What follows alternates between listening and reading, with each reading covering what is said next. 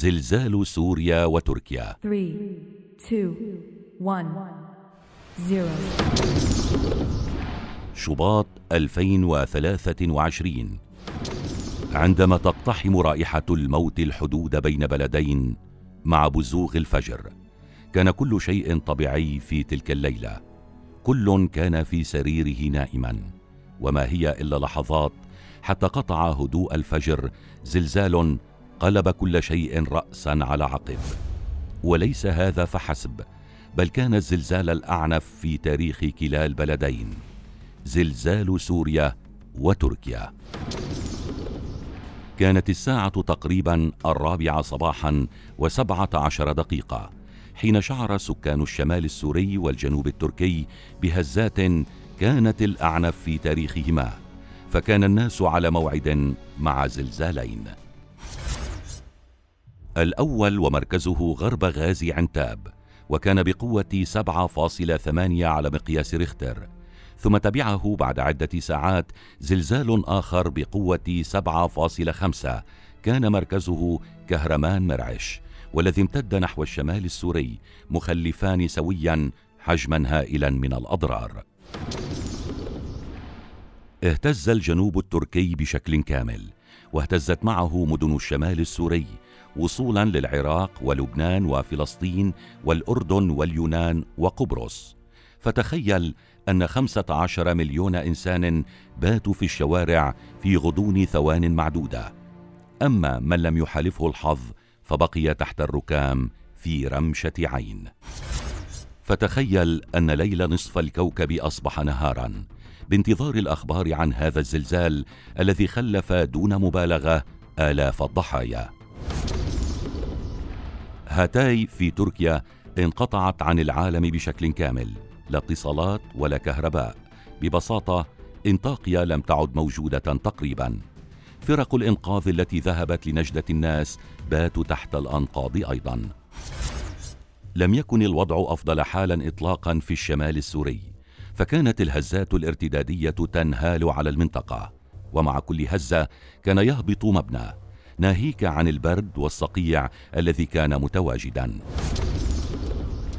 صرح أردوغان الرئيس التركي أن البلاد تواجه أسوأ كوارثها ودعا إلى حالة طوارئ من الحالة الرابعة والتي تتضمن المساعدات الدولية وفرق الإنقاذ الأجنبية. المدنيون لم يزالوا في الشوارع ومع بزوغ شمس النهار كان المشهد مرعبا جدا. لا ملامح لهذه المدن. لا شوارع واضحة.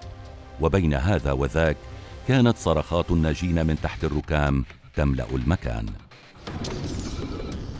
وصولا إلى السادس من شباط.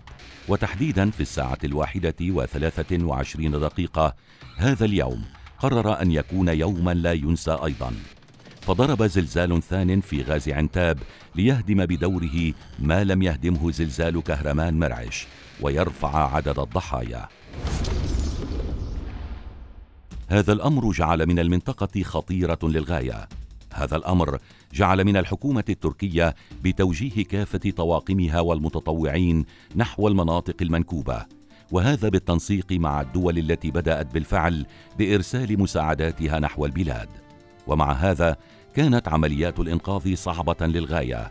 فلا طرقات ولا معالم مجرد تلال من الركام حول الأماكن.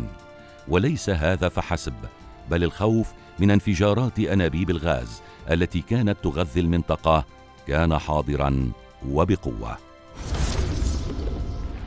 وعليه تم الإعلان عن تلك المناطق بأنها مناطق منكوبة. الكثير من المساعدات العربية والدولية مثل بناء الجسور الجوية والطائرات المروحية وفرق الإنقاذ والمساعدات العينية وصلت إلى تركيا ومع حلول التاسع من شباط تم الإعلان أن الضحايا قد وصلوا إلى أربعين ألف شخص. الهزات الارتدادية وصل عددها إلى ألف وأربع هزات تتراوح قوتها بين الثلاث وأربعة درجات على مقياس ريختر. أما في سوريا كانت المعاناة كبيرة للغاية. ففي ظل الحرب الدائرة كانت المباني بشكل عام قابلة للانهيار. فما بالك بزلزال ضرب المنطقة.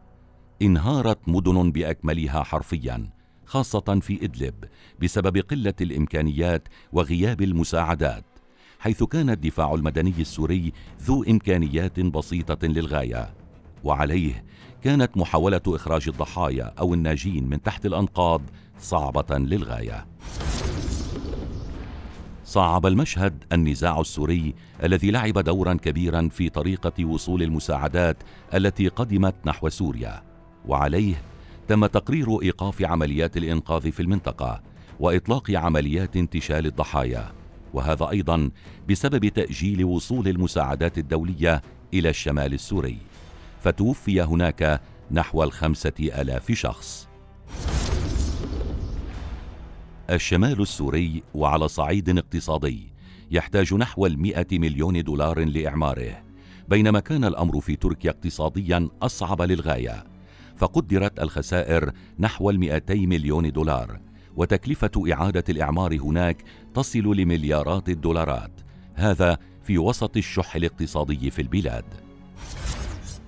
انتهى الزلزال وانتهت معه قصته لكن هذا التاريخ شباط 2023 سيبقى عالقا في أذهان كل من السوريين والأتراك على حد سواء إلى الأبد.